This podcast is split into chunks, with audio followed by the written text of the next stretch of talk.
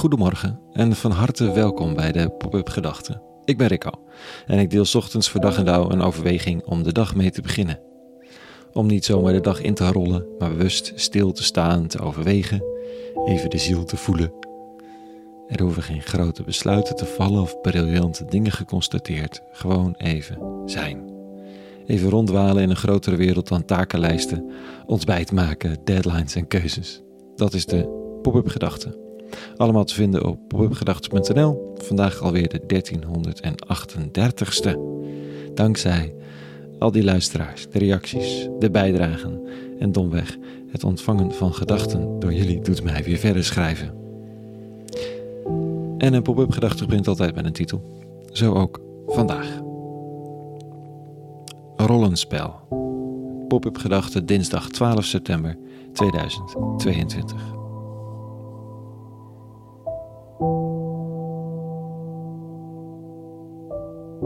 Die droom dat je midden op een podium bent beland. De gordijnen gaan open, de zaal kijkt toe. Om je heen staan mensen op de planken die wel lijken te weten waarom ze hier staan. In paniek besef je dat je onderdeel bent van een theaterstuk, maar je weet niet welke. Het tableau komt in beweging en badend in het zweet schrik je wakker. Gelukkig, het was maar een droom. Maar tenminste, was het echt maar een droom of worden we op een gegeven moment wakker in het echte leven? Puberteit een beetje achter de rug, een baantje of een serieus ogende studie. En dan een besef alsof het speelkwartier voorbij is. Het ertoe doet wat je zegt en doet. En dat niemand je heeft gewaarschuwd. Dat je ook alle tools mist om overwogen beslissingen te maken. Dat je maar wat doet. En in plaats van wakker te schrikken is het nu andersom. Je zoekt vergetelheid in binge-watchen, een beetje alcohol op strategische momenten en een poging om jezelf in slaap te sussen. Dat lukt nooit echt, want het leven gaapt je aan. Als een soort publiek. Je moet er iets mee. Dus je doet maar wat. Het imposter syndroom is zo'n voorbeeld van het gevoel op het toneel geslingerd te zijn zonder de juiste voorbereiding. Je doet maar wat en men denkt dat je het zo bedoeld hebt, maar op een dag prikken ze er doorheen en dan zijn de rapen gaar. Want je weet helemaal niet wat je doet, toch? Je weet ook niet wat je hier doet. Maar dat wat je doet heeft wel impact. In een lezing van vandaag een poging van Paulus om, om het rollenspel maar te omarmen. Tenminste, zo interpreteer ik hem maar even naar mezelf toe. Eh, met, te omarmen met de mate van nieuwsgierigheid. Welke rol heb ik gekregen? En belangrijker nog, welke rol heeft die ander eigenlijk?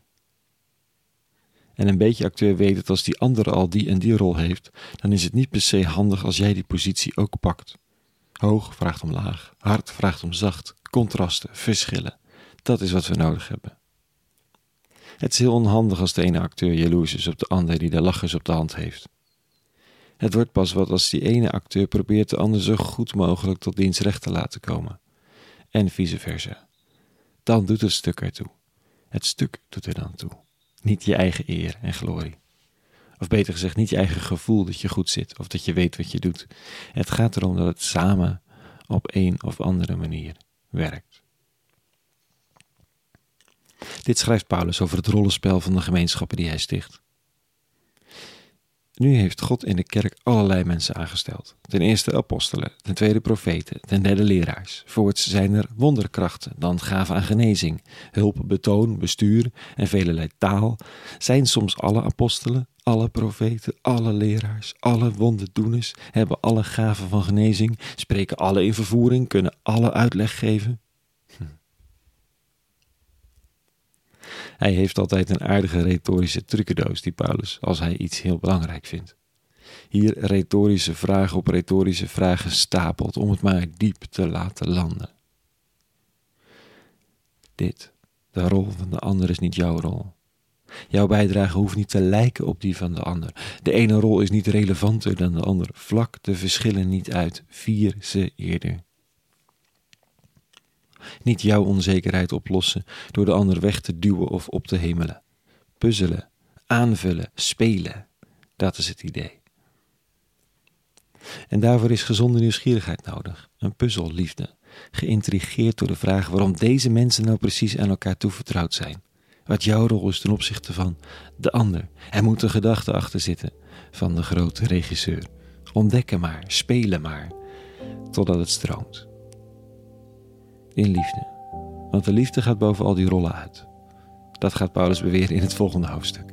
Zonder liefde gaat het niet. Die bandt de angst ook uit en de onzekerheid. Een rollenspel is gebaat bij nieuwsgierigheid en leeft op door liefde. Voor de ander, voor de eigen plek, voor het spel. Tot zover de pop-up gedachten van vanochtend. Een hele goede dinsdag toegewenst. En vrede.